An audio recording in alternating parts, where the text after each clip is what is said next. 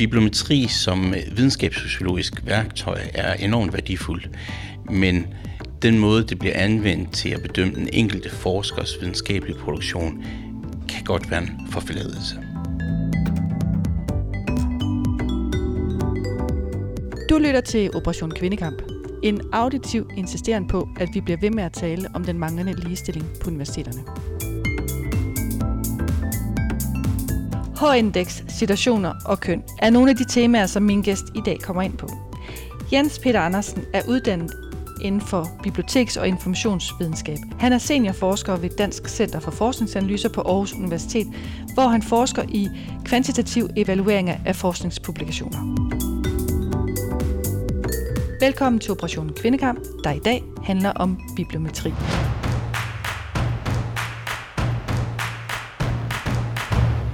Velkommen til dig, Jens Peter. Vi har tidligere hørt Maria Therese Norn fortælle om bevillinger. Men det hun også fortalte os, det var, at kønsdiverse forskerteam i højere grad tager hensyn til de fysiologiske forskelle, som er mellem kønnene, når de her forskerteams de laver deres forskning. Jeg ved, at det er noget af det, du også har studeret. Vil du øh, fortælle os lidt om det?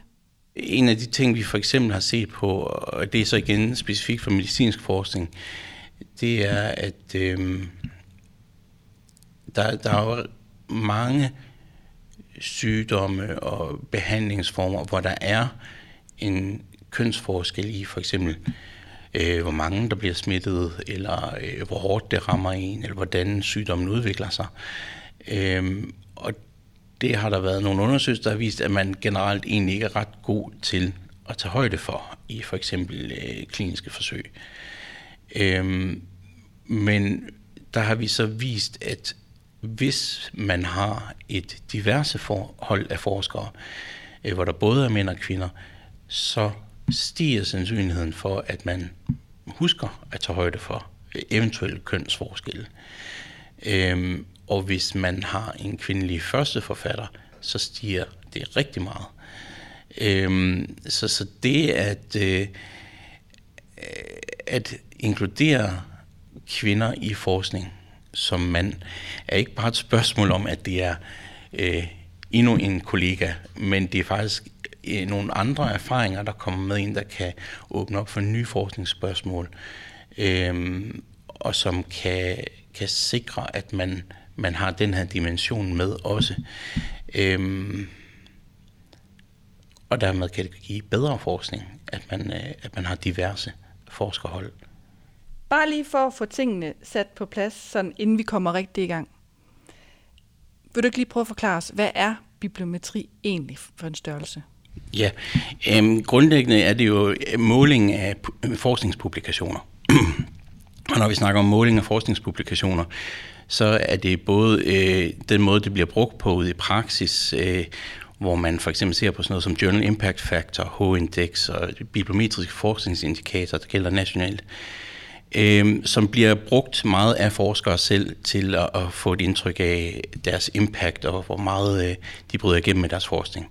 Men når vi selv ser på det, så, så går vi gerne øh, et skridt længere, eller måske et skridt tilbage, ser mere på metodeudviklingen, ser mere på, hvordan man egentlig kan bruge de her forskellige øh, mål for øh, impact til noget andet end bare lige den enkelte persons impact. Øh, det sidste det er faktisk ikke særlig interessant for os. Øh, så så, så vi, vi prøver i stedet for at anvende det til noget, og ser også gerne øh, for eksempel citationer, som er noget det, man måler rigtig meget på, som i stedet for et, et udtryk for den kommunikation, der foregår i forskningen. Øh, så det bliver et, et, et sociologisk begreb mere, end det egentlig bliver øh, et mål for for eksempel forskningskvalitet, som der er nogen, der gerne vil fortolke det som.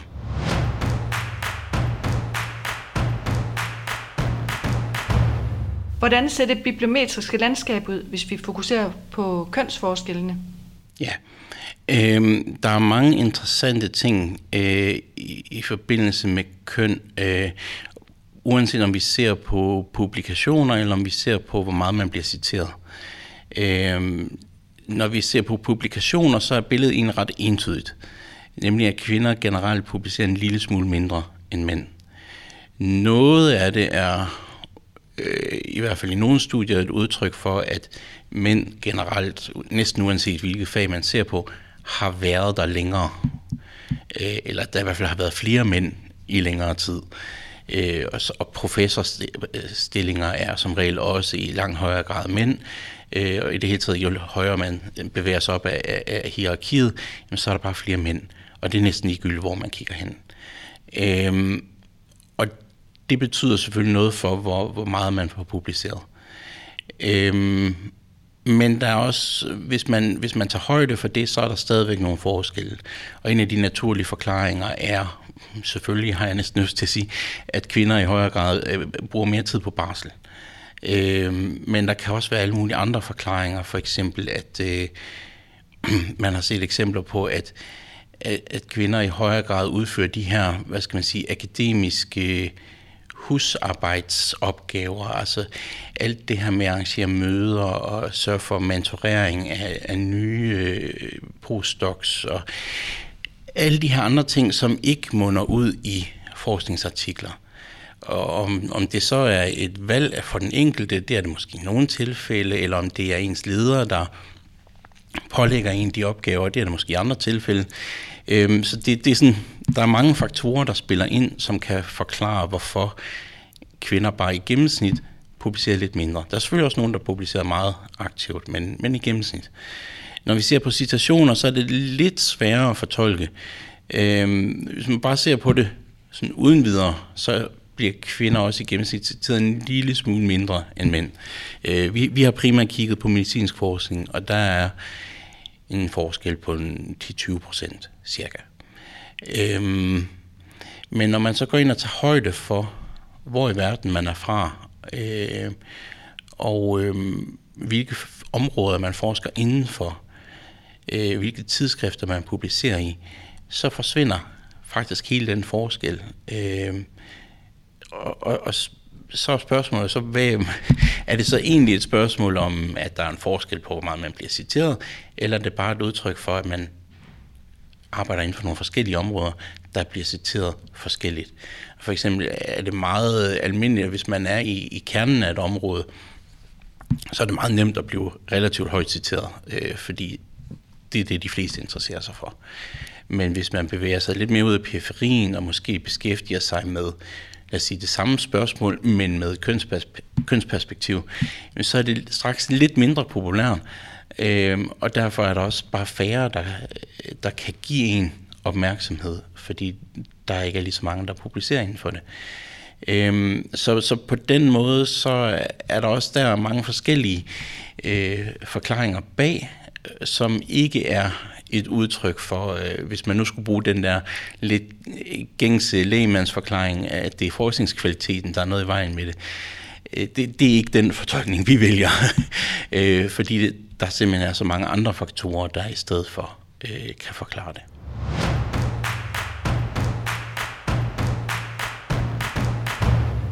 Jamen, altså jeg har for eksempel lige for nylig øh, set på, på nogle data, hvor, øh, hvor vi sammenlignede, hvem der kommer i den absolut øverste top øh, på citationer øh, på landsplan, øh, altså over, over hele verden. Øh, og øh, der, der var det lidt tankevækkende, at andelen af dem, af, af kvinder i et område, er væsentligt mindre i den her allerøverste 1%, end den er i øvrigt. Men når man så øh, så på de lande, hvor man øh, historisk også i dag har haft en større andel af kvinder, der var forskere, for eksempel i mange af de østeuropæiske lande, mange af de sydamerikanske lande, hvor vi oppe på at være sådan nogenlunde 50-50, øh, uanset hvilket felt man ser på, jamen, så er der faktisk også en større andel af kvinder, der kommer op i det allerøverste lag.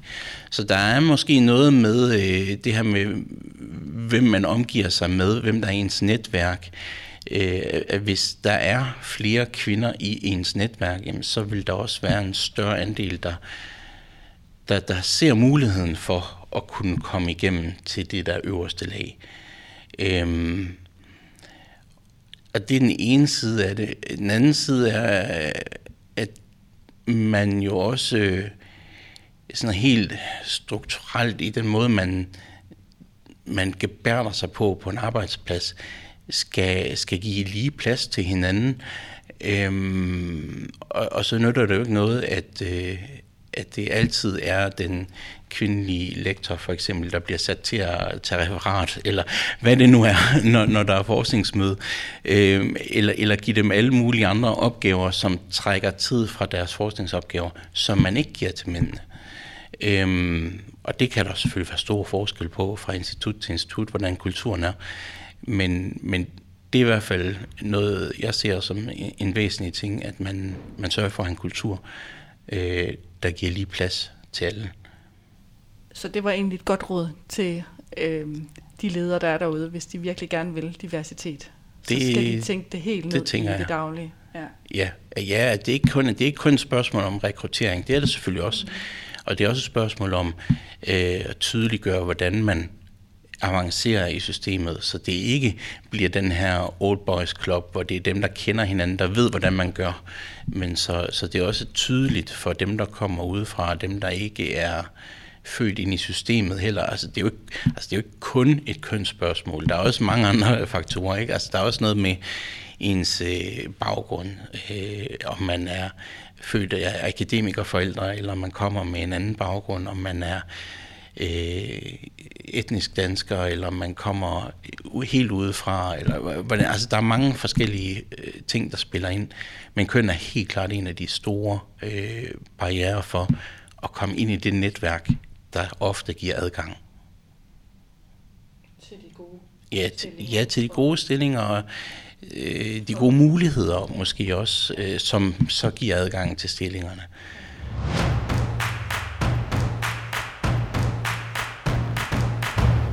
Vil du mene, at vi skal lægge mindre vægt på bibliometri, eller ændre måden, vi ser det på? Nu hvor vi kan se, der er forskelle, nu hvor vi kan se, at, at det måske ikke er øh, to streger under.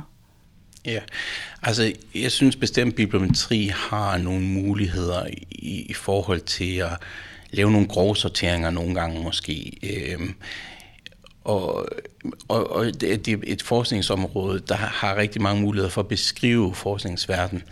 Men som sådan et, øh, et mål for den enkelte forskers dygtighed. Der, der, det, der, der tænker jeg, at det bliver ret misbrugt lige nu. Øhm, jeg synes, i, i Danmark er vi ikke så slemme. Øh, det er sjældent, at det er det, der er afgørende for, om man får en stilling eller om man får en bevilling. Men det spiller ofte en rolle i, om man kommer med i, øh, i, i puljerne, og, og det er ofte noget, der bliver lagt vægt på i ansøgninger. Men, men det kunne godt være værre. Øh, men, men, jeg synes det, men, men jeg synes samtidig også, det er, er et problem, at man lægger så meget vægt på det, som man gør. Øh, det, der var måske andre ting, der var bedre at lægge vægt på, at man, øh, man måske mere så på det helhedsbillede af forskerne, man lavede noget peer review af, af de artikler, der bliver vedlagt til en ansøgning for eksempel. Øhm, og det gør der selvfølgelig også, men der er bare ofte den her vægt på bibliometrien, de bibliometriske mål, øh, som kan blive lidt for tung. Og når du siger, at det bliver misbrugt, så er det fordi, at du mener, det bliver overfortolket? Ja, lige præcis. At der simpelthen bliver lagt for meget vægt på det. Øhm, altså der, de, og, de, og mange af de mål, der bliver brugt, er ofte også dem, som vi faktisk øh, betragter som de dårligste. Altså for eksempel sådan noget som Journal Impact Factor øh, er et mål for tidsskrifters øh, citationer, ikke den enkelte artikel. Du kan få øh, en artikel i øh, meget højt Journal Impact Factor tidsskrift, og overhovedet ikke selv blive citeret. Øh, det sker lige så meget som, at folk de kommer i øh, et mindre godt tidsskrift, men bliver højt citeret, fordi de faktisk har lavet en rigtig god artikel. Øh, så, så, så det er et øh, ret dårligt mål egentlig for, for den enkelte forskers øh, aktivitet og øh, hvor, hvor synlige deres artikler er.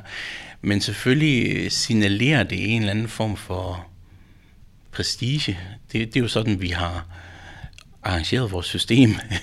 øh, men, men derfra så til at konkludere noget på, på den enkelte forskers øh, artikler ud fra et tidsskrift. Det, det, det er lidt søgt.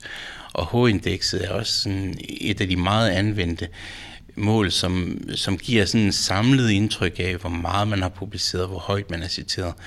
Men det ignorerer fuldstændig øh, enkelte artikler, der er højt citeret, øh, at det ignorerer øh, tid, øh, for eksempel. Altså, øh, det, det er helt klart sådan et mål, der, der går ind og øh, Øh, booster dem, der øh, har været i gamet i lang tid, øh, som, som har publiceret mange artikler, hvorimod yngre forskere har meget dårlig mulighed for at kunne opnå de samme øh, mål som, som deres ældre kollegaer. Så bottom line, hvis jeg skal lige prøve at zoome op her, så det må næsten være, at bibliometri er ikke et særligt godt redskab, men det bliver brugt rigtig meget. Og når man måler mænd og kvinder mod hinanden i forhold til bibliometrien, så står kvinder svagere, men, og det er lidt træls, kan man sige, på godt jysk.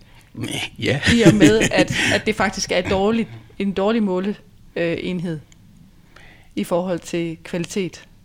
I, ja, altså det er et, et rigtig dårligt mål for kvalitet i virkeligheden. Du har lyttet til Operation Kvindekamp, en podcast om ligestilling i den akademiske verden. Til rettelæggelse og produktion er Signe Fogel og Camille Schmidt Rasmussen. Teknik Ole Lauritsen. Musik Danny Dori og John Yasutis. Dagens gæst var Jens Peter Andersen.